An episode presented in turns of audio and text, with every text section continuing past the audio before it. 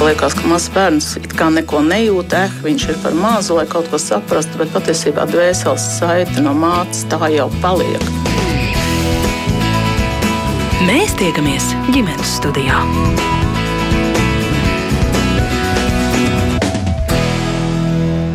Labdien, priecājos sveicināt jūs visus radījuma ģimenes studiju klausītājus. Mans vārds ir Agnese Linka, un šī radījuma producente ir Ilze Zvaigzne. Ir pagājuši gandrīz septiņi gadi kopš tās augtajiem likumības grozījumiem izglītības likumā, kad um, ieviešot desmit viens pantu, tas tika izteikts šādā redakcijā. Izglītības sistēma nodrošina izglītojamā likumisko audzināšanu, kas atbilst Latvijas Republikas satversmē ietvertajām un aizsargātajām vērtībām, īpaši tādām kā laulība un ģimene. Izglītības iestāde aizsargā izglītojamo no tādas informācijas un metodēm izglītības un audzināšanas procesā, kas neatbilst šā likuma mērķi ietvertojai izglītojamā likumiskās attīstības nodrošināšanai. Kā tas sākās un kā situācija izglītības vidē pa šiem gadiem ir attīstījusies, kāda pa šo laiku ir bijusi likuma panti ietekme uz bērnu zināšanām un skolotāju darbu, un vispār vai ir izdevies definēt, kas tad patiesībā ir likumība, ko un kam pienāktos to jaunam cilvēkam mācīt un iemācīt skolē vai ģimenei.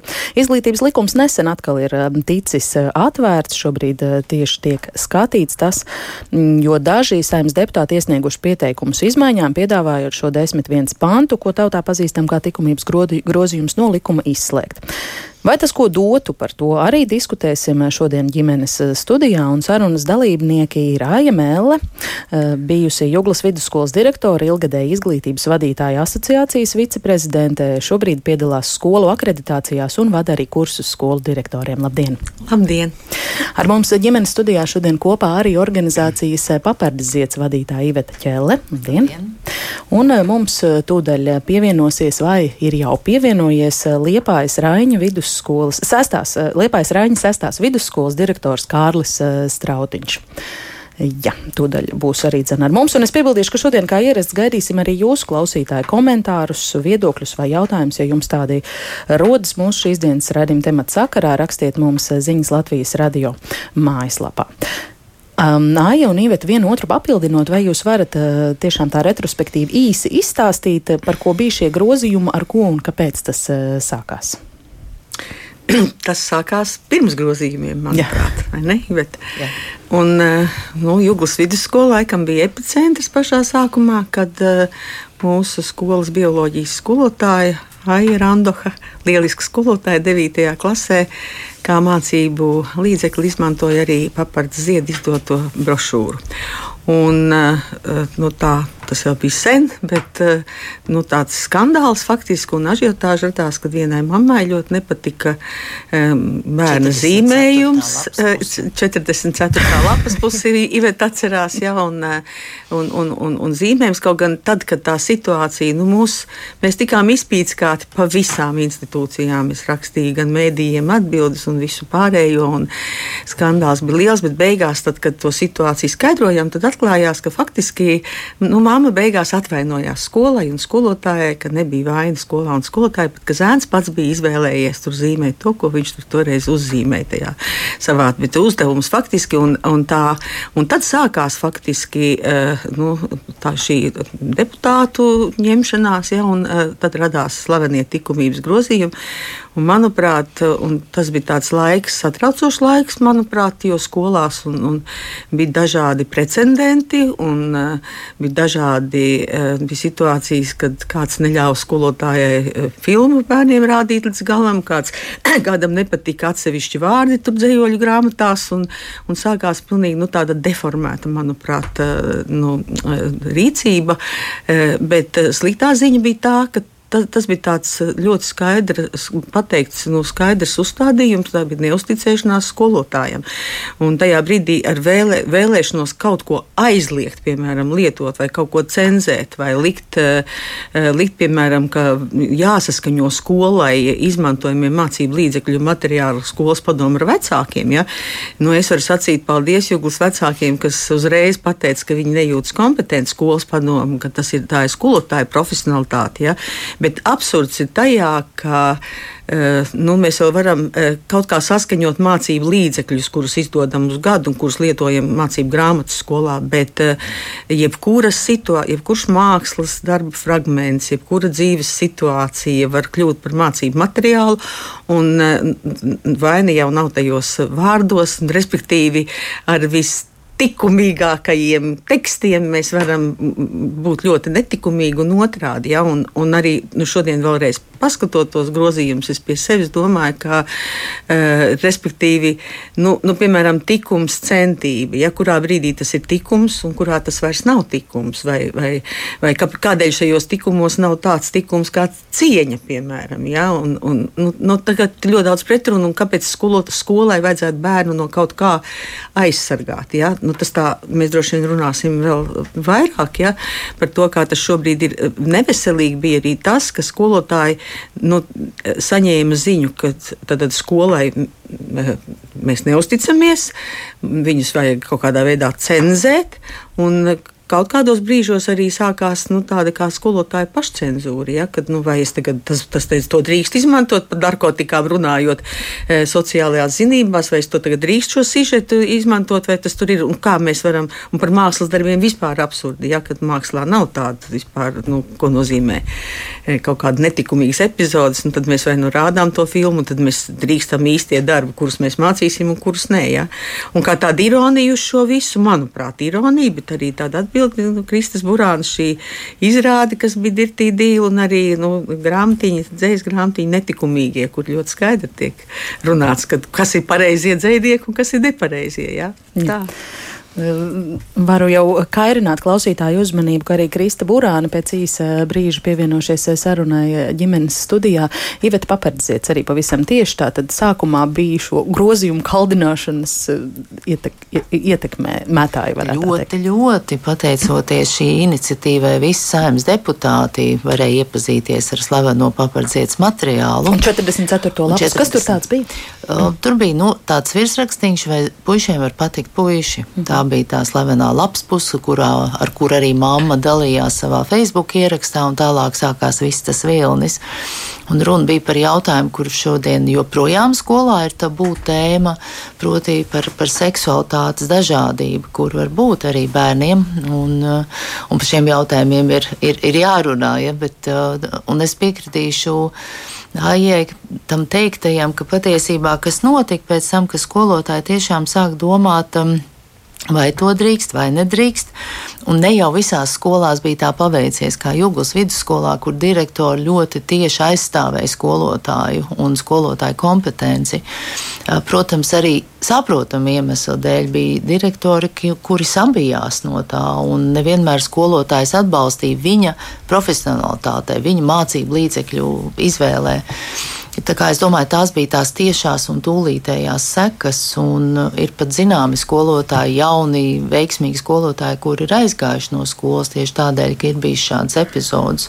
Un, acīm redzot, viņos šī pretruna bija pārāk liela, nu, lai, lai cīnītos kā to Juglas skolā. Nu, tas bija diezgan ilgs un sarežģīts laika posms gan mm. skolas vadībai, gan konkrētajiem skolotājiem. Mm. Tas, ko pieminēja Aija, un uz ko jūs atsaucāties, es eh, nosaukšu tos divus zināmākos gadījumus gadījums tātad Agenskalna valsts ģimnāzijā, kur skolotāja dzēniece, nu jau arī politiķi Ieveta Ratinīka saņēma aizrādījumu no mācību iestādes administrācijas par to, ka literatūras stundā notika kāda, nu, it kā netikumīga dzējoļa analīze, un tad arī Rīgas valsts pirmā ģimnāzija, kur direktors aizliedz latviešu literatūras skolotāja Daigai Zinītē skolēniem rādīt filmu par franču dzēnieku Artoru Rembo Dāļradu un attiecībām ar Polu Verlēnu. Vai tas, ko jūs sakāt, ka pa šo laiku ir bijuši vēl tādi? Gadījumi, ir. precedenti, par kuriem jūs zināt, kas varbūt nav izskanējuši tik publiski, kur ir bijusi šī skolotāja paša cenzūra un nosodījums. Nu, nu, tur drīzāk. Sacākiem. Ļoti grūti ir pateikt, vai tas ir bijis šī likuma ietekme, jā, vai tas tieši to ietekmēs. Es domāju, tas vairāk rada tādu vispārēju sajūtu skolotāju, vecāku un skolas vadītāju vidū, nu, vai mēs drīkstam, nedrīkstam, un dažreiz vieglāk neko nedarīt, lai izvairītos no jebkādām problēmām. Es atceros, ka vienā no Rīgas skolām bija gadījums, kur uh, ļoti agrīnā vecumā puisis bija lietojis necenzētu vārdu attiecībā uz, uz klases biedreni. Un skolotāji bija lūguši šim bērnam mājās veselu lapspusi pierakstīt ar šo vārdu un atrast šī vārda nozīmi. Un šis gadījums arī aizgāja līdz izglītības ministrijai. Viņš tika analizēts, kritizēts, skolotājs rīcība, kas, manuprāt, bija ļoti pareiza. Jo dažreiz tas nabaga skolotājs nezina, ko lai dara šādās situācijās. Un cik man zinām, šī skolotāja pamet darbu. Viņa bija ļoti laba, jauna mm -hmm. skolotāja, bet tas, tas arī parāda, ka reizēm Nu, skolotājs grib mācīt bērnus, un viņam ir skaidrs, kāpēc viņš to dara un kā viņš to dara. Viņam ir šīs metodas, un neredz šādu vecāku spiedienu. Es domāju, viņi var palīdzēt skolotājiem izvēlēties aiziet no skolas. Mm -hmm. Es lasīju kādu antropoloģijas studentu 2016. gadā veiktu pētījumu, tātad gadu pēc likuma pieņemšanas. Tas balstās uz intervijām ar pedagogiem. Tur izkristalizējās arī vairākas lietas, tostarp, ka šāds likuma pāns ir apdraudējums skolotāju profesionālajai brīvībai, kā jūs jau vājat teicāt, ka tas veicina cenzūru, pašcenzūru, sašaurina mācību stundās pieļaujamo diskusiju tēmu loku, ierobežo skolēnu iespējas iegūt daudzpusīgas zināšanas par dažādiem jautājumiem un problēmām, eh, arī apgūt kritiskas domāšanas un izvērtēšanas, diskutēšanas mm, prasmes, un tikai viens no 23 pētījumu informantiem tobrīd uzskatīja, ka likumības grozījumi izglītības likumā ir nepieciešami. Es eh, šobrīd gribu uzrunāt arī Liepājas Rāņa sestās vidusskolas direktoru Kārli Strautiņu. Esat ar mums, cerams, dzirdat un varu jums teikt labdien! Labdien. Jā, vai jūs varat paraksturot no sava skatu punkta, kā pa šo laiku skolotāji ir šo likumā pantu um, pieņēmuši, sadzīvojuši, ar to um, noraidījuši? Kādi jūsu vērojumi, vai arī jums ir kādi piemēri, kad var teikt, jā, skolotāji ir uh, šo spilgto signālu ietekmē laika gaitā nonākuši pie zināmas pašcenzūras? Klausoties eh, kolēģi, kolēģi teiktajā, man ir jāsaka, ka mums ir ārkārtīgi paveicies, jo šādas situācijas nav bijušas. Uh, un, un arī gatavoties raidījumam, es apzināju vairākus uh, liepājas un liepājas uh, nu, jau vienību kurzemes novada kolēģus un vaicāju, uh, kā viņiem ir veicies, un vai ir bijušas kādas situācijas arī tur kolēģi uh, atbildēja noraidoši. Bet klausoties kolēģi teiktajā, es, es gribētu savilkt mazas paralēlas, jo, proti, mēs runājam, nu, piemēram, par to pašu homoseksualitāti vai, vai, vai, vai narkotiku lietošanu. Šeit būtiski ir saprast, ka mēs dodam skolēniem materiālu, par ko runāt un diskutēt, un viens no tikumiem, kas ir ierakstīts arī likumā, ir tolerants. Un tolerants ļoti cieši iet kopā ar sapratni. Un, proti, ja mēs nedodam cilvēkiem informāciju, nedodam skolēnam informāciju par šo dažādību un dažādības iespējamību, tad tā raisa nesapratni, un nesapratni noteikti nav solidaritāte, kas atkal ir viena no vērtībām. Tāpēc šī drosmes, tolerants un solidaritātes līdzsvarošana ir ārkārtīgi būtiska. Mēs nesludinam, ka ir jālieto narkotikas vai ir jādara tāda vai cita darbība. Taču runāt un skaidrot par šo dažādību ir ārkārtīgi būtiski, lai veidot jaunieti par holistisku personību. Nu, tad kā jūs redzat, kāda ir šī likuma panta ietekme, jēga, būtība šo septiņu gadu laikā? Tas vienkārši tur ir ierakstīts, un uh, tas tur ir, un viss? Nu, nu, es, es teiktu, ka, kad arī klausoties kolēģi stāstā, es redzu, ka ļoti būtiski ir atkarīgs no konkrētā skolotāja un, un, un uh, vecāka. Un atslēga droši vien, ka šajā brīdī ir, ir vecāks, kas, kas ir gadījies un, un veida, kā skola ir komunicējusi par šo jautājumu un skolas vadības uzskatu, jo uh, es domāju, ka profesionāli skaidrojot situāciju vecākam, neskatoties uz viņa viedokli par to, vai šit, šo jautājumu ir tomēr šie valsts uzstādījumi, kuriem ir jāseko, un mūsu mērķis, kā jau minēja, tad ir skolniekam radīt uh, holistisku skatījumu kā, kā, kā veselai, pilnvērtīgai personībai, attīstot, kā jau minēju, tā skaitā taisnīgumu, solidaritāti, savaldību, toleranci, un to savādāk nevar iemācīt. Vai tās nav tādas pašsaprotamas lietas, kuras pedagogi vienmēr ir centušies saviem skolēniem uh, iemācīt, uh, vai tāpēc ir nepieciešams tur atsevišķi izdalīt uh, un mācīt likumību un uzsvērt to likumā? Es, es domāju, ka tas nav slikti, kad ir, ir norādīts kas būtu tās, jo, jo šīs, ieklausīties vārdā, vadlīnijas. Ja tas nozīmē tie tādi pieturas punkti, pie, pie kuriem pieturēties, ko būtu svarīgi akcentēt un, un, un ko apzināti ielikt saturā. Un arī esot akreditācijas komisijas ekspertam un esot skolu audzināšanas darba plāns trīs gadiem, kas ir valstī noteiktām šajā likumā arī noteikts, ka tādam ir jābūt. skolas liek iekšā šos, šos tikumus un apzināti arī uz to strādā. Taču tas cenzūras elements ir tiešām ļoti atkarīgs no, no skolas vadības un kāda vecāka, kur kurš mēģina iejaukties skolas darbībā, pieļauj, ka nevienmēr ar pedagoģisko izglītību esošu. Jā, šis pieminētais, manis pieminētais 16. gada pētījums, mm, tātad gadu pēc likuma pieņemšanas, tur pašā ievadā jau konstatēts, ka likumības vadlīnijas ir tikušas izstrādātas, tomēr plašāka publika tobrīd ar tām vēl netika iepazīstināta. Vai pa šo laiku tad izdevās uh, definēt, kas ir likumība, šīs vadlīnijas uh, nu, izdiskutēt? Nu, man šķiet, nu, Kārlis runāja par audzināšanas vadlīnijām, es domāju, ka šīs audzināšanas vadlīnijas patiešām ir, nu, kā Kārlis teica, ir svarīgas, un iespējams, ka tās ir arī nu, tās nepieciešams papildināt, jo šobrīd mēs atkal esam pilnīgi citā situācijā, kur mums ir jāpieņem nu, dažādība, un, un tām šīm audzināšanas vadlīnijām ir ļoti būtiska nozīme, kā, kas palīdz pedagogiem saprast, kā runāt, un šobrīd vajadzētu vadlīnijas par to, kā runāt ar bērniem par karu, piemēram, par šo situāciju, bet likumības grozījuma likumā, manuprāt, viņi vienkārši ir, nu, viņi ir Viņi tur vienkārši jāizsvītro ārā, ja, jo e, man, man, man ir priekšā, nu, citējot, ka skūja iestāde aizsargā izglītojumu no tādas informācijas un metodēm e, izglītības audzināšanas procesā, kas neatbilst e, šā likuma mērķi ietverta izglītojuma likumiskās attīstības nodrošināšanai. Nu, ko nozīmē aizsargāt skolēnu no kaut kā?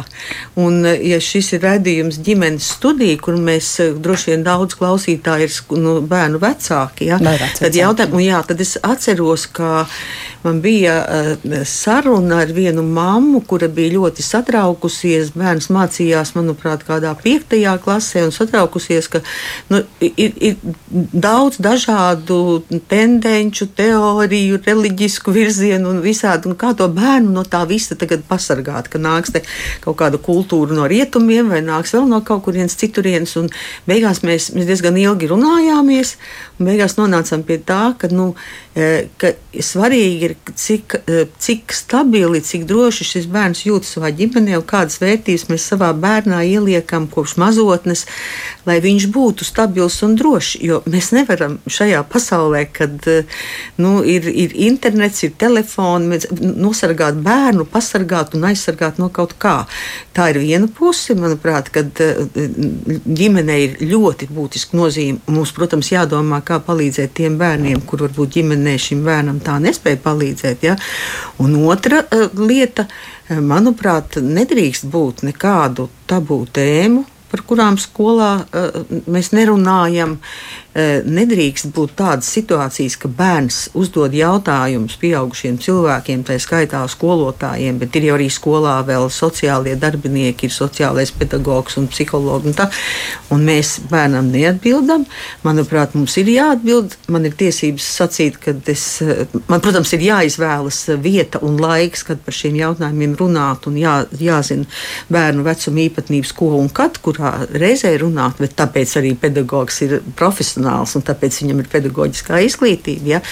Es drīkstu arī pateikt, ka šobrīd es atbildu, nezinu, kad es par to, un, un es varu ieturēt pauzi un, un domāt, kad, kā es varu atbildēt. Ja? Bet nedrīkstētu būt tā, un vispār, manuprāt, ir ļoti slikti, ja bērns baidās jautāt. Ja ir kaut kādi jautājumi, kas viņu nodarbina un satrauc, viņš baidās jautāt. Un minot Juglas to seno piemēru, ja, kad eh, skolotāja bioloģijas skolotāja bija tā, kura vienkārši rosināja ļoti atvērtu un atklātu diskusiju, un bērni jutās eh, komfortabli šajās stundās, runājot arī par dažādiem eh, neērtiem jautājumiem. Un, eh, un, un vēl es gribu piebilst, ka ka, manuprāt, ir vērts arī un laiks padomāt, kāda mēs varam runāt, kā palīdzēt vecākiem nu, par dažādiem jautājumiem. Ka, nu, Latvijā to jau mēs sen esam runājuši, bet joprojām nav tādas institūcijas, kur vecāki skola, manuprāt, ir viens no retajiem, kas ir, nu, arī izglīto vecāku un palīdz viņam saprast dažādas lietas, kā runāt. Bet par to būtu vērts domāt, kur vecāki var saņemt palīdzību, kā runāt. Jo nav jau arī vienkārši, kā tu tā, to sarunu tā uzsāksi. Ja? Mm. Aizteiktajā es sadzirdu, ka aiz vārda jēdziena aizsargāt izglītojumu no informācijas patiesībā slēpjas vēlme cenzēt to, ko nevar nocenzēt laikmetā, kad katram septiņgadniekam ir kabatā vietālrunis ar interneta pieslēgumu. Iveta. Jā, precīzi. Es domāju, ka tā ir tāda varbūt mūsu pieaugušo cilvēku ilūzija pasaule, kurā mēs dzīvojam. Jo mums, um, mums šķiet, ka dodot bērniem un mācot viņiem vērtības, kas ir ļoti būtiski, ka mēs viņus kaut kādā veidā pasargāsim no tās vidas, kurā daudzi no viņiem pavada daudz stundas, kas ir šajos telefonos, ierīcēs atrodamā informācija. Un, ja mēs runājam par seksualitāti, kur vienmēr ir bijis viena no tādām vis, um, nu, vissarežģītākajām tēmām, par kuru būtu jādomā un jārunā ar bērniem, tad šobrīd informācija atrodama jau pirmskolas vecumā, un to arī parāda tāds neliels aptaujas, ka bērni tur atrod absolūti vecumam nepiemērotu informāciju. Un tad ir jautājums, ja ne vecāki, ne skola nevēlas par to runāt, ja izliekas, ka šādas tēmas nav, tad bērns patiesībā paliek tikai un vienīgi šajā informācijas lokā. Un tad es vienmēr aicinu vecākus ieskatīties, lai vecāki paši paskatās un pasako tai informācijai, ko bērni meklē. Un iedomāties, ka bērnus neinteresē šie sarežģītie un dažreiz vardarbīgie un dažreiz ar pārāk daudz ar seksu saistītie jautājumi, nu tad tie ir mūsu maldi. Un tad, un tad paliek tas, nu, kas, kas tad ir tam bērnam, kādas ir tās viņa izvēles, vai mēs viņam dodam iespēju kritiski pavērtēt to, ko viņš ir redzējis. Un domāju, ka šodien gan Covid situācija, gan, gan šī kara situācija arī ļoti skaidri mums pieaugušajiem ir parādījusi, cik milzīga nozīme ir tam, ko mēs redzam šajos sociālajos tīklos un kam mēs sekojam. Un tad, ja mēs domājam par bērniem bez tādiem filtriem, tad Viņam ir visa šī informācija pieejama. Un tad, ja mēs sāksim nu, par kaut ko nerunāt, jo tas nav piedienīgi atbilstošam vecumam, es domāju, tās sekas reizē mēs neapzināmies. Mm -hmm. Kārlī, ko piebildīsiet vai iebildīsiet uh, kolēģiem? Vai aizsargāt m, patiesībā nav cenzēt? Nu, atkal ir runa par to, kā mēs skatāmies uz veselo saprātu. Kā es minēju, ja mēs runājam par to, kas ir rakstīts, izglītot uh, tolerance, godīgums. Tad, un, un par to runāt, tas ir ārkārtīgi būtiski, jo nesaprotot, neizskaidrojot, un te kolēģis minēja ļoti daudz piemērus, veidosies nesapratne, neskaidrī, neskaidrība, dusmas, un dusmas nes līdz agresiju. Un tas ir pretēji tam, par ko runā šie tikumi, vērtības un caurvīs, arī domāju, skolu 2030 kontekstā. Jā, starp citu, skola 2030, jeb eh, tā saucamais pilnveidotais mācību saturs, taču eh, paredz aizvien eh, plašākas pedagoga paša kompetences, iespējas aizvien patstāvīgāk tieši katram konkrētajam skolotājam lemt, kā katrā priekšmetā, katrā mācību stundā viņš veido mācību procesu, ar kādu saturu to piepildīt. Nu, vai šī kompetenci pieejas pakāpeniski ieviešana, kas notiek Latvijā gadu no gada dažādās klašu grupās, kaut ko šai ziņā maina, un kā tas iet sazobē ar likuma m, pantu, kas aizsargā izglītojumu no kaut kādām konkrētām uh, informācijas vai, vai, vai metodēm. Ja, nu, kompetenču izglītība vai jaunais izglītības saturs runā par uh, to, ka mācību saturs aizvien vairāk ir saistīts ar reālo dzīvi. Nu, tas tā, tā ļoti vienkāršot. Ja? Un manā, tomēr manā izpratnē, man šķiet, es nezinu, ko šodien tur deputāti, par ko viņi varēja tik ļoti diskutēt, un kuram šie e, grozījumi likās, ka ir vēl vajadzīgi. Ja, bet, manuprāt, viņi nonāk pretrunā, un viņi patiešām ir kaitīgi tādos brīžos, kad cilvēki, nu, ja viņi nonāk purvu dīvainīšu tajās eh, lietošanā, ja, kas ar tiem aizsardzās un kas viņus tiešām to arī var nu, uztvert kā cenzūru. Es ceru, ka šobrīd skolās faktiski visi jūtas brīvi un šie grozījumi vairs neko neietekmē, ja, bet, manuprāt, bet viņi, viņi tur ir. Bet viņi tur ir un, manuprāt, jāņem ārā. Bet es jums vēl nocitēšu no tās grāmatiņas, tomēr, ja, ko tas nu, skolnieks saka, tas no tiem netikumīgajiem. Un man ir besīgi, kādi ir politiķi. Viņi liek mums mums domāt, ka viņiem rūp mūsu domas, bet patiesībā tā nav. Jo, ja es redzu končus papīrīt uz zemes, es tāpat viņu paceļu, bet es zinu, ka nekas nemainīsies. Ja? Un tā pieaugušo liekulīgā pasaulē, ja, un tā liekulīgā morāla, to taču arī bērni ļoti labi redz un jūt. Ja. Es atgādināšu, ka ģimenes studijā mēs šodien runājam par to, kāda septiņu gadu laikā ir bijusi tā saukto likumības grozījumu ietekme uz uh, izglītības procesu, vai tāda vispār ir vērojama. Un ģimenes studijā diskusijā piedalās mm, bijusī Juglas vidusskolas direktore Aija Melle, organizācijas papardziets vadītāja Iveta Ķēle, arī Liepājas Raiņa sestās vidusskolas direktors Kārlis Strautiņš, un mums šobrīd um, pievienojas uh, telefoniski arī režisori. Viņi ir arī trīs bērnu māma Krista Burāna. Labdien! Labdien! Redzat, jūsu vārds tika locīts jau raidījuma iesākumā, un Aija arī tagad eh, citē dzējoļu krājumu netikumīgie. Un, jā, šī jūsu iestudētā izrāde ar tieši tādu nosaukumu netikumīgie saņēmam 2019. un 2020. gada teātris sezonas spēlmeņa nakts balva, balvu kā gada izrāde pusauģiem, un tas jautājums, ko jūs uzdodat izrādes pieteikumā, ir vai mākslai un izglītībai ir jāspēlē paslēpes ar realitāti, vai tomēr tās drīkst droši skatīties vienu otrai acīs un par ieraudzību ieraudzīto sarunāties ar bērniem un jauniešiem, arī tad, ja kādam ieraudzītā realitāte šķiet netikumīga. Krista, vai jums ir izdevies atrast atbildi uz šo jautājumu, un um, varbūt arī tā jūsu kā mammas pozīcija, kā jūs raugāties uz šo likuma pantu, tā ietekmi uz bērniem, mums vecākiem, skolu, izglītības vidi? Ja, nu, šis jautājums izrāda radošās komandas kontekstā, protams, ir retorisks, jo mūsu atbilde ir skaidra un par to ir arī izrāde, ka skolai ir jābūt tai videi un arī mākslī ir tā vide, kurā cilvēki satiekas, lai runātu par dzīvi. Un gan to, kas šajā dzīvē ir skaists, gan to, ko mēs šajā dzīvē vēlamies mainīt. Un skola ir tā vide, kurā mēs mācāmies mainīt to, kas mums liekas necilvēcīgs, cilvēkam nedraudzīgs, dabai nedraudzīgs. Um, mēs mācāmies būt aktīvi savas dzīves veidotāji, un tam ir nepieciešama saruna.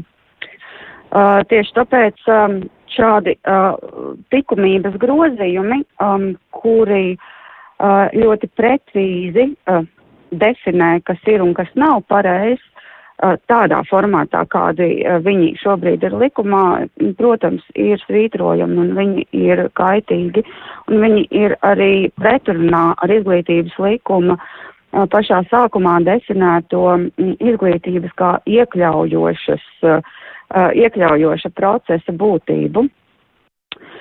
Uh, bet es gribētu arī atgriezties vēl pie viena cita aspekta, par ko jūs um, vēl, vēl nerunājāt um, raidījuma gaitā. Uh, un par to, kā tas viss sākās, jo m, mm, varbūt tā sajūta ir, uh, ka viss sākās ar uh, kādas mammas neapmierinātību ar to, ko viņa piedzīvo, bet šī mamma jau dzīvo kaut kādā noteiktā m, m, mediju vidē un, un noteiktā sabiedrībā. Un savukārt um, tas, kādēļ šādas idejas par pareizu vai nepareizu um, uh, ideju mācīšana skolā rodās, nu, tas rodās no tā, ko mēs redzam un to, ko mēs piedzīvojam apkārt. Un tajā laikā ļoti aktīvi tika komunicēts par to, ka šāda veida grozījumi, likumības grozījumi par pareizo ģimeni, par pareizajām attiecībām, par pareizajām vērtībām, par tradicionālo vērtību um, pārsvaru pāri pāri demokrātiskām vērtībām ļoti spēcīgi ienāca no Krievijas puses. Un arī likuma uh, grozījumus uh, savukārt uh, kūrēja saskaņa un Jūlijas Tepaņenko, kas ir absolūti nu, Krievijas politikas aģenti Latvijas politiskajā laukā. Attiecīgi es gribētu teikt, ka tas nav tik nevainīgi par to, ka nu, šie, šie nav tikai grozījumi, kas definē Uh, vecāku un skolas attiecības. Uh, šie ir grozījumi, kas definē to, kāda ir uh, politiskā vide un sabiedrības vide Latvijā kopumā. Un vai mēs runājam par skolu kā demokrātiskas valsts skolu, vai mēs runājam par skolu kā, kā, kā, kā mm, nedemokrātiskas uh, sistēmas pārstāve. Uh, Un šajā gadījumā gan gribu teikt, ka vērtību izglītība ir ārkārtīgi, ārkārtīgi svarīga. Tikai ir jāsaprot, kas ir tās vērtības, uh, kuras skola patiešām var apņemties uh, um, veidot. Un, uh, un tad es gribu atgādināt, un tas ir savukārt ļoti svarīgi man kā vecākam. Uh, es ļoti labi apzinos, ka es dzīvoju demokrātiskā valstī, un ka demokrātiskā valstī līdzās dzīvo ģimenes ar mm, dažādām vērtību izpratnēm. Mums ir ģimenes ar ļoti tradicionālu vērtību izpratni, ar konservatīvu, ar, ar, ar vairāk vai mazāk liberālu, bet mēs visi esam šīs valsts pilsoņi. Un tas, ko skola var iemācīt, uh, un tas, kas viņai būtu jāmāca bērniem, kuri no šīm dažādajām ģimenēm ar dažādajām vērtību izpratnēm atnāk kopā un savu lielāko dienas daļu pavada um, kopā ar skolotājiem, kopā ar klases biedriem, viņiem ir jāmācās sadzīvot un kopīgi radīt, kopīgi radīt vidi, kurā viņi var būt cieņas pilni, uh, atbildīgi, uh, gudri, drosmīgi, uh, radoši, bet kopā. Un no vienas puses tas liekas ārkārtīgi nu, pašsaprotams uzdevums, bet no otras puses ļoti, ļoti sarežģīts uzdevums. Un tas, ko izdarīja šie izglītības um, likuma grozījumi, viņi um, izcēla vai uh, parādīja, ka pareizi, labi ir tikai vienas uh, vērtību uh, sistēmas um, pārstāvji. Tie, un, un vēlreiz paskatoties uz desmit prim, uh, pantu, mēs redzam, ka galvenais jautājums ir par pareizo izpratni, kas ir ģimene un kas ir laulība. Vispārējais patiesībā sakot, Stepaņenko tajā brīdī un diemžēl arī Nacionālajai apvienībai bija pilnīgi vienalga. Bija svarīgi iegrozīt uh, pareizo izpratni par, um, par, par ģimenes formu. Nu, jā. Bet es... no tā izriet, iziet vēl daudz citu jautājumu. Jā. Es eh, atsaukšos arī uz redzējumu iesākumā minēto topošo antropologu 2016. gada pētījumu, kurā arī ir minēts, ka daļa pedagoģa likumības grozījumus vērtē kā konkrētu politiķu vēlmi izpatikt konservatīvi domājošai sabiedrības daļai, un arī mēs šeit pirms brīža jau runājām eh, par to, cik tālu sniedz vecāku spējas, kompetences iemācīt likumību katram pēc savas saprašanas un lemt, kas tad ir manam eh, bērnam piemērot, ko skolotājs viņam skolā var rādīt vai nevar rādīt, dot, lasīt, stāstīt. Un tas ir stāsts par to, cik vienot mēs esam kā e, sabiedrība, arī savā izpratnē par to, kas ir vai nav vērtība, kas ir vai nav likumība. Taču vienotība šajā jautājumā laikam tomēr nav, jo, piemēram, e, lūk, klausītāja Ārta mums raksta, ka viņai žēl, ka uz šo diskusiju nav uzaicināts neviens mācītājs, piemēram, vai jebkurš cits cilvēks, kas pārstāv pretējo viedokli, nevis tikai aizstāv rupjības mākslā un literatūrā un atbalsta seksualizāciju pat pedagoģijas procesā. Kad mēs dzirdam, ko Krievu karavīri dara Ukrainā, tad gan mēs šausmināmies, bet paši saviem bērniem grūžam virsū informāciju, kas tikai pāragri kairina viņu interesi un jutekļus. Jūs toleranci skaidrojat tikai kā iecietību pret absolūto mazākumu, bet tiklīdz runa ir par vērtībām un tikumiem, kas tādi ir skaitījušies jau tūkstošiem gadu, tā uzreiz tā saucas homofobija, naida runa, cenzūra un tam līdzīgi. Tā rakstīja ģimenes studijas klausītāja Ārta Krista, kamēr jūs vēl esat ar mums, varbūt jūsu atbildi šai klausītājai. Jā, es gribētu vēlreiz atgriezties pie tā, ko es teicu. Uh, var sakot, Latvija ir demokrātiska valsts, kurā līdzās dzīvo cilvēki ar konservatīvām vērtībām un ar liberālām vērtībām. Un man liekas, ka ir ļoti būtiski saprast, ka, um, ka ir svarīgi izglītoties un ir svarīgi arī precīzi redzēt cēloņu sakarības, jo šajā arī um, artas rakstītajā ir, um, nu, uh, jāsaka, vairākas loģikas kļūdas, kur viņa vardarbību uh, izvarošanu Ukrainā saista nevis ar absolūtu uh, vērtību neizpratni, bet viņa to saista ar cilvēku brīvību, kas absolūti tā nav. Jo um, paralēli vēl etikas uh, principiem mūsu izpratnē par to, kas ir tikumi, pastāv demokrātiskā sabiedrībā tiesiskās formas un likumi, kuri nosaka to, kas ir un kas nav pieļaujams demokrātiskā valstī. Un mums ir uh, krimināla likumi, kurā izvarošana, kurā vardarbība ir sodāmi procesi. Par to vispār nevienam nebūtu jāšaubās, un neviens liberāli domājošs cilvēks neuzskata un neataisno izvarošanu vai vardarbību. Un šajā gadījumā ir ļoti būtiski sekot līdzi tam, kā oponenti argumentē savus viedokļus.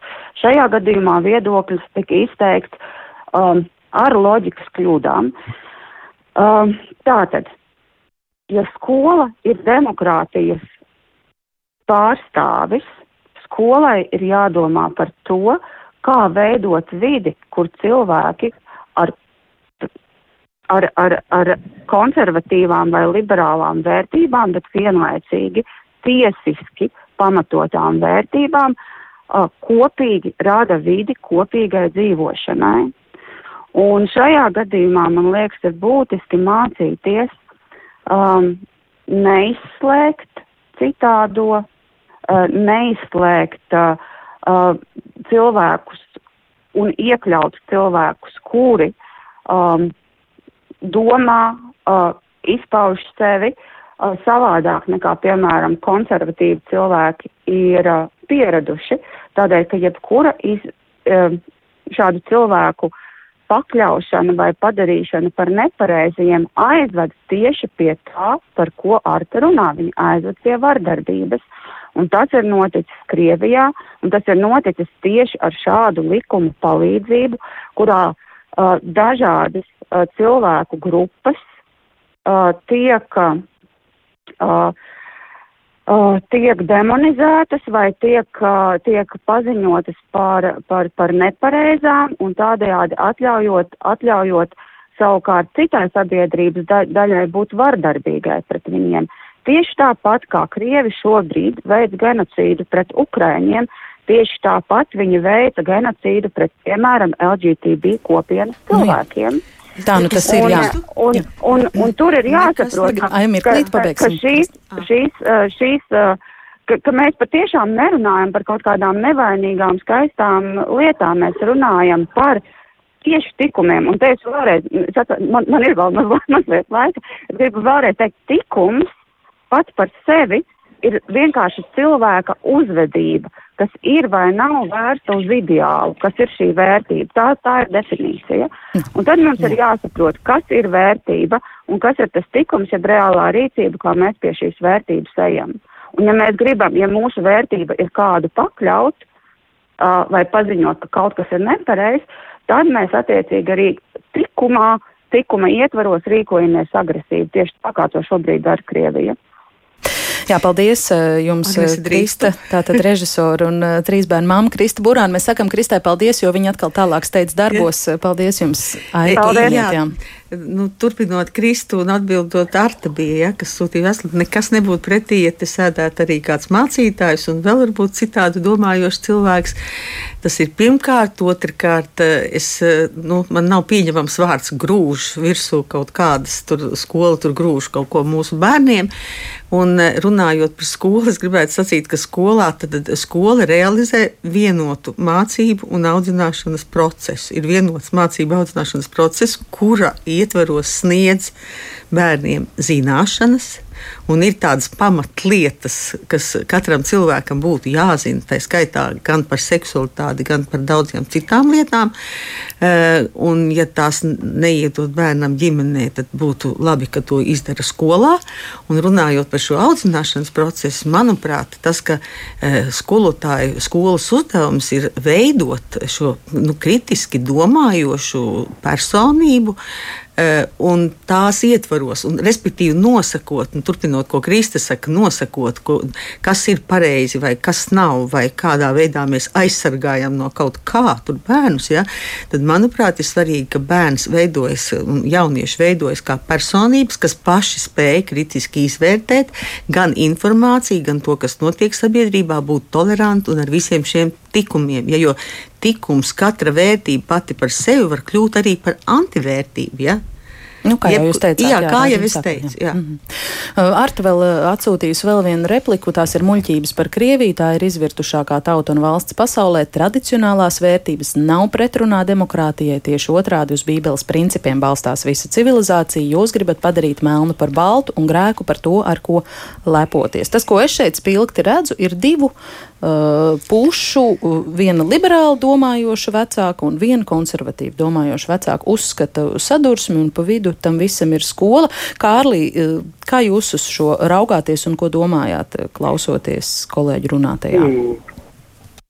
Kolēģi, kolēģi klausoties un arī klausoties uh, klausītājs ar, artis teiktajā, man viens vārds tie tiešām iekrita sirdī, un um, tas bija pedagogs sludina netikumību. Un šeit ir ārkārtīgi būtiski saprast, ka pedagogs savā pedagoģiskajā procesā neko nesludina. Ja viņš māca par mākslas darbu, kurā ir atainota kāda iespējama seksuāla rakstura aina, tad šis jau nav stāsts par pornogrāfiju, bet šis ir stāsts par mākslu. Ja, ja tur ir arī kādas homoseksuālas attiecības, tad pedagogs nesludina, ka tā ir jādara, bet viņš vienlaicīgi neizliekās, ka tā nav. Bet skaidro, kas ir redzams un kāpēc tas tā varētu būt. Jo visaplamākais, manuprāt, ir izlikties, un, un kā, kā teica režisori, izlikties, uh, ka tādas realitātes nav. Un, un piemēram, uzbūrēt ainu, ja bērnam uh, stundā par ģimeni ir tiek definēts, ka ģimene ir tikai tāda, kurā vecāki ir precējušies, tad kas notiek mazā zēna galvā, kurš aiziet mājās un kur ģimene dzīvo nereģistrētās attiecībās? Un kā viņš jūtas, un, un, un vai viņam ir jāsaka, māma, tēti, jūs esat netikumīgi? Mēs nedrīkstam nokļūt līdz šādam absurdam. Bet tas, ka, kāpēc tas viss ir, tāpēc, ka faktiski pasaulē šo, šobrīd dominē divas paradigmas. Ir šī klasiskā pieeja, Newtonisma paradigma, un mūsdienu, kur mēs redzam šīs straujo pārmaiņu, jeb kvantu paradigmu. Un šajā klasiskajā paradigmā faktiski vadības process un, un, un mācīšanās notiek kā nu, manipulācija ar informāciju. Faktiski mācās no tās informācijas, kas noteiktām sabiedrības grupām ir vai nav pieejama. Mēs atceramies, ka bija arī ļoti senos laikos brīdis, kad grāmatas dedzināja, jo tas bija bīstami cilvēkiem. Vismaz tajā brīdī tā brīža kvantu paradigma tāda bija. Taču ilgstošā laika periodā mēs saprotam, ka tas ir absurdi. Tāpēc uh, mans aicinājums ir tomēr skatīties uh, uz šīm eiropiskajām vērtībām, domāt no kvantu paradigmas, kurā aspekts un svarīgākais ir šī dažādība, un dažādība ir spēks, un nevis kā straujam bāzēm izlikties, ka ka, ka tā nav. Nu, piemēram, domājot, nerunāsim par vadu, lai kādu neaizskartu, bet skaidri apzināmies, ka viņš ir. Stāstīt, skaidrot, informēt un aicināt kritiski domāt, par ko arī runā šīs te vadlīnijas, kuras tā arī 6.1. punktā ir rakstīts spēju brīvi un patstāvīgi domāt, attīstot kritisko domāšanu un morālo spriest spēju. Bet, lai spriestu, lai domātu, lai analizētu, vajag informāciju un izpratni. Bet tāpat laikā ir šīs otras paradigmas pārstāvji. Uh, kurus Arta, piemēram, pārstāv mūsu raidījumā, un uh, arī viņi ir jūsu skolēnu vecāki, un arī viņiem ir iespēja uh, vērsties un pieprasīt, uh, balstoties uz izglītības likumu, lai jūs, uh, kā skolas direktors vai jūsu pedagogi, aizsargā bērnus no kaut kādas informācijas. Nu, kā... Nu, aizsargāt aizsargāt, nu, mēs, varam tikt, cik tas ir mūsu spējās. Mēs katrā ziņā, ja mēs runājam par, par pieejamību, tad mēs, protams, nodrošinam, lai, lai skolu telpās esošas datoros nebūtu pieejams, nu, piemēram, pornogrāfisks saturs. Tas jā.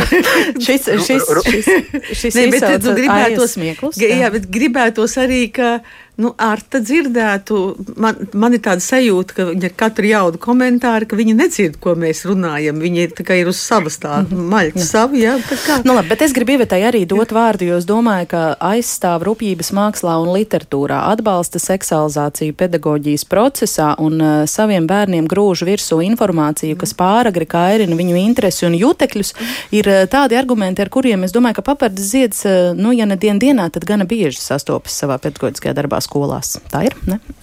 Jā. Jā, bet tad jāpadomā, mēs atgriezīsimies pie sarunas sākuma, kādā vidē dzīvo šodien bērns.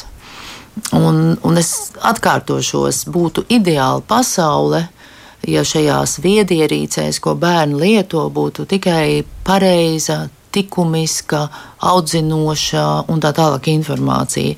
Bet tā nav realitāte. Ja mēs dzīvojam tādā informācijas telpā, kādā mēs Latvijā dzīvojam, un ja mēs visiem bērniem šodien, bezmaz tā kā viņiem ir skolas soma, tā viņiem ir telefons, un ja viņiem ir telefons, tad nereti ļoti daudziem bērniem ir pieejama visa šī informācija, no tā mēs nevaram izvairīties. Tā kā bērni dzīvo ne tādā pasaulē, kā, kā šie varbūt daļa konservatīvie vecāki gribētu. Un tad ir jautājums, ko ar to mēs darām. Otrs, es domāju, ka likumības šie grozījumi. Viņi iespējams ir ietekmējuši, kādēļ jaunajā skolas programmā, Skola 2030, seksualitātes un attiecību jautājumi ir ietverti daudz mazākā mērā, kā tie bija iepriekšējā programmā. Un vēl viens būtisks mans vērojums ir, meklējot materiālus, Man patiesībā ir grūti saprast, kur šodien skolotājs var atrast eh, mūsdienīgu, pēdējā laika mm, informāciju attiecībā uz seksualitāti, uz pornogrāfiju, lai tad, kad viņš ar šiem jautājumiem saskartos skolā, lai viņš spētu to izsvērti, toleranti, saprotoši, veicinot kritisko domāšanu, bērniem skaidrot. Jo man ir vairāk skolotāji jautājuši, kur vispār ņemt šādu informāciju, jo šāda materiāla nav. Tā kā skolotājiem šodien ir milzu atbildība, milzu uzdevumi, un varbūt, varbūt tieši skolā 23 50 seksualitātes tēma ir tik maz, kad ir bijuši šie likumības grozījumi. Mēs to nevarēsim pierādīt. Bet tas, ka skolā šī tēma ienāk ar bērniem un vietāluņiem, ir skaidrs. Bet tas, ka skolotājiem un vecākiem nav laika un izpratne, kā šajā tēmā orientēties, kā runāt, kā palīdzēt saprast, tas nu gan tā ir. Bet, Linda mums raksta ātri iestarpināšu, ka mūsu skolotājiem tiek pieprasīts mācīt bērniem to, ko viņi paši līdz galam nesaprot un tāpēc nespēja iemācīt. Jā, tā arī tas, būt. Tas ir tas, ko es mēģinu teikt. Tā jā. arī var būt. Bet, eh, turpinot, ko Iveta teica, manuprāt, nu, ienāk ne tikai ar vietāluņiem, bet vienkārši bērni ienāk ar dzīvi. Nu, kā Krista teica, mēs mācām dzīvi un ir vienkārši mm. lietas, kuras bērniem ir jāzina. Ja? Un svarīgi ir, ir nu, manuprāt, normāli būtu, ka par daudzām lietām bērni uzzina no, nu, kā man ir meita, ka es ar savu meitu runāju zināmā vecumā, bet ja, ja, ja tas tā nenotiek, tad kaut kad tai meitai tomēr ir, ir tādas lietas, kas viņai jāuzzina. Bet šobrīd jau bērndārzā bērnu, nu, man divgadīgais mazdēls prasa, avīt vai tev ir pincītis, ja? un tā saruna mums kaut kā jāsaka, man nav pincītis. Nu? Un viņš jau turpina. Puiši, nu, kā, e, jaut, mēs no šiem jautājumiem nevaram izbēgt. Nu, pavisam maz, un bērni e, ļoti labi pārzina visus gadgetus un visas pogas, protams, bet viņi arī uzdod jau ļoti nu, jautājumus. Jā, ja? nu, tie ir tādi vienkārši, nu, tādi nu, it, kā nav, elementārāki jā, jautājumi, bet, kur bet arī jautājumi kļūst aizvien sarežģītāk, un mums ir ļoti grūti, jā, ja, jo augu, ja mēs to, nu, tā, tā kultūra ir tāda, kad mēs par tiem jautājumiem runājam, jaut, es sap, vēlreiz saku, jāsaprot vieta un laiks un auditorija un vecums un vispārējais. Tā, un, protams, ka pedagogiem arī būtu nepieciešama tā, gan informācija, gan zināšanas, skatu, un, ka, ko par to runāt. Un tāpēc ir lieliski, ka ir tāds papards zieds, kas var arī mums ļoti daudz palīdzēt. Vai, paldies. Bet es arī par tiem seksualitātes jautājumiem atbildot ar tai. Mums Latvijā ir vairāk likumi, jo mēs esam pievienojuši gan Pasaules veselības organizācijai, ja, nu kā, kur mēs skatāmies, kas precīzi nosaka, kurā vecumā kuras tēmas jārunā. Latvijā mēs esam pateikuši, ka Latvija rūpēsies par to, lai visiem cilvēkiem būtu zināšanas, kā sevi pasargāt no infekcijām. Ja? Tātad rūpēsies par šo veselības daļu. Un ir jau Eiropā bijuši precedenti, ja vecākiem ir iebildumi, ka bērni šādu informāciju uzņem skolā, tad viņi var, šie bērni var sēdēt, piemēram, bibliotekā. Bet uh, šī Eiropas tiesa, tad, kad vecāki sūdzējās par to, ka viņu bērniem Vācijā piespiež klausīties informāciju par seksualitāti un reproduktīvo veselību, Eiropas tiesā uzvarēja Vācijas izglītības sistēma, pierādot, ka valsts ir apņēmusies visiem saviem bērniem nodrošināt šīs zināšanas.